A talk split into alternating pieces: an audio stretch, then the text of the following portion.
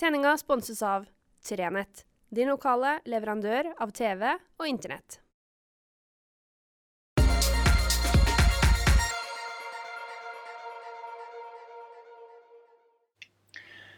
Riktig god fredag. Og for en fredag, da. Gårsdagen var fin. Dagen i dag ser ut som det skal bli minst like bra. Og inn i helga så blir det bare bedre og bedre. Vi skal i det hele tatt få ei, nærmest ei sommerhelg klemt inn på slutten av her, på slutten av mai. Det tegner til å bli riktig, riktig så bra. Meteorologen sier at vi skal ha temperaturer vi ikke har sett siden 27.9., nemlig tosifra varmegrader. Det er sterk kost etter en sådan vinter og vår, men la oss nyte det. Men jeg hadde ikke tenkt å snakke om været. Jeg hadde tenkt å skryte litt, både av oss sjøl, faktisk. Sjølskryt skal man høre på, det kommer fra hjertet, vet dere. Men det er sånn at vi holder på å publisere en artikkelserie som skal gå godt ut i juni, som heter Våre falne. Det er et samarbeidsprosjekt mellom oss og Nord-Troms museum og kommunene i Nord-Troms. Det hele kom som et initiativ fra Lise Brekkmo, som er formidler ved Nord-Troms museum, som tok kontakt med meg og lurte på om vi kunne være med på å publisere en artikkelserie om de menneskene som falt som en følge av krigen. Og de som døde på havet, de som døde i direkte krigshandlinger på norsk jord, folk som ble henretta, folk som gikk på mine, og som døde av det. Og Så langt er det de fire artiklene vi har publisert. Eh, vi har mange igjen, og så langt så har det blitt hele 20 sider i papiravisa og flere spennende, sterke nettartikler som du finner uh, på nettsidene våre. Uh, og hvorfor er det her så viktig, da? Uh, hvorfor i alle dager skal vi drive og publisere ting som skjedde for så langt tilbake som for 80 år siden? 9. april i 1940 døde ti mennesker fra Nord-Troms. Ti unge menn. Ingen av dem var over 30 år. Alle tjenestegjorde på de to panserskipene eh, Eidsvoll og Norge som lå i havn utenfor Narvik. De to gamle båtene ble altså torpedert sønder og sammen. Flere hundre mennesker omkom, og deriblant altså ti personer fra Nord-Troms. Og så kan man tenke at uh, om bord på disse båtene var det i overkant av 100 på hvert skip. Og her er altså ti av dem fra Nord-Troms. Og hvorfor da? Jo, selvfølgelig fordi at uh, nordtromsinger var vant til å være på havet. Det var helt sikkert gode gaster å ha om bord på marinefartøy.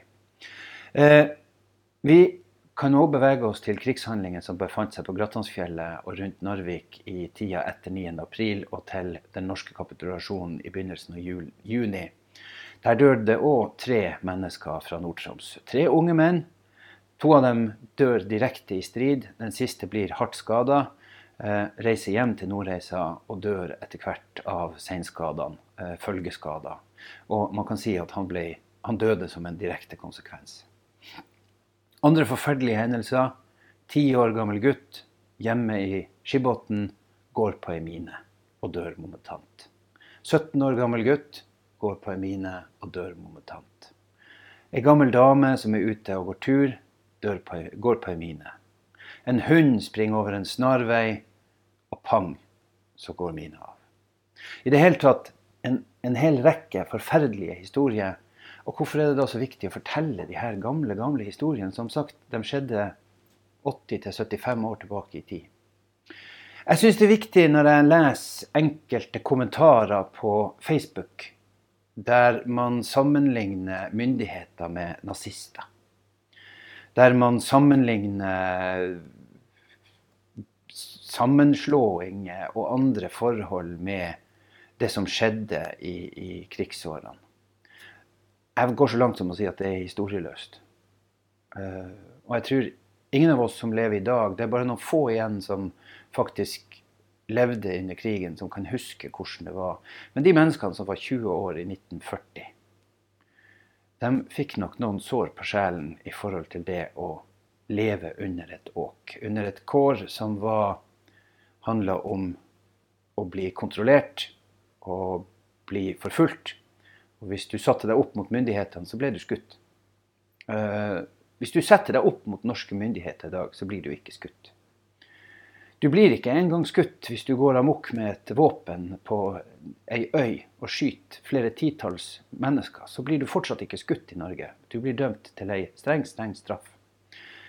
Da ble du skutt. Du ble henretta.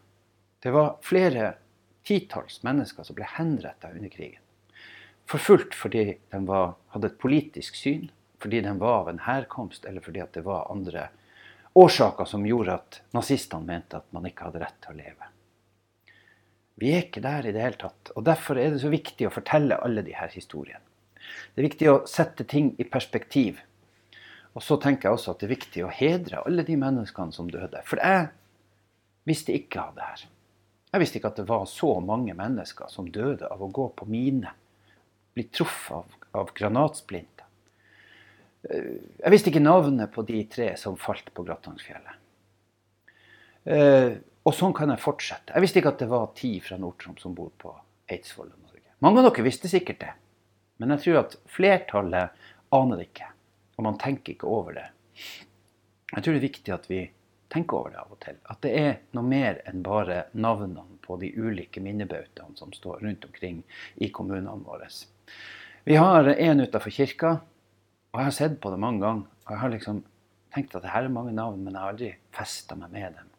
Nå, etter å ha lest alle de her artiklene, så kan jeg komme til å gå til denne bautaen. Og så kan jeg kikke på den og så kan jeg tenke at eh, ja, han har jeg lest om. Ja, det var den hendelsen. Derfor er det så viktig. Og derfor er det òg eh, en stor glede å få lov å være med på å dele det her. Og jeg syns Lise Brekmo og Nord-Troms museum fortjener en fantastisk eh, applaus og klapp på skuldra og alt sammen for å ha tatt tak i det. Jeg vokste opp på Født i 71, starta på skole i 78, var ferdig med grunnskolen i 87. Og ferdig med videregående for 30 eh, år siden. Hadde det ikke vært for Nils Alm og Kåre Nilsen og noen til, så hadde vi lært om, om eh, krigen på en måte som ikke hadde noe med Nord-Norge å gjøre. Uh, knapt noe om evakuering, om nedbrenning, om, om, uh, og ikke minst om dramaet på Arnøy, som vi har i, i denne avisa. Den, den som kom ut, kom ut, i dag. De lærerne skjønte at datidas læreplan hadde et feil fokus. Det hadde ingen lokalhistorie omkring krigen. Og så tok man tak i det. Og det var utrolig viktig for meg og mine klassekamerater. Det kan jeg med hånda på hjertet si at jeg har snakka med flere av de som gikk på skole samtidig med meg, som sier at det var avgjørende for å kunne lokalhistorie, for å vite mer om hva man holdt på med. Og Derfor er det altså så flott å ta tak i de her sakene og ha dem, ha museet på laget. Og jeg håper dere tar dere tida til å lese dem, og bruker tid til å se på det som står der, og reflektere litt over hva som, hva som har vært. For vi trenger å reflektere over hva som har vært og hva vår besteforeldregenerasjon og oldeforeldregenerasjon faktisk har opplevd. Det vi har vært igjennom, det vi er oppe i nå, er altså de mest restriktive eh, tiltakene overfor befolkninga etter krigen. Husk etter krigen. Det vi opplever med covid-19, er tøft og vanskelig og hardt. Noen kan komme til å miste jobben. Noen får betydelig mindre rytme. Det er tøffe tak. Det er harde tak. Men det er ingen av oss som kommer til å bli stilt for retten og dømt til døden for ting vi gjør eller sier. Derfor er det en vesentlig forskjell på det som foregår nå og det som var da. Og derfor er det så viktig å fortelle om de tingene.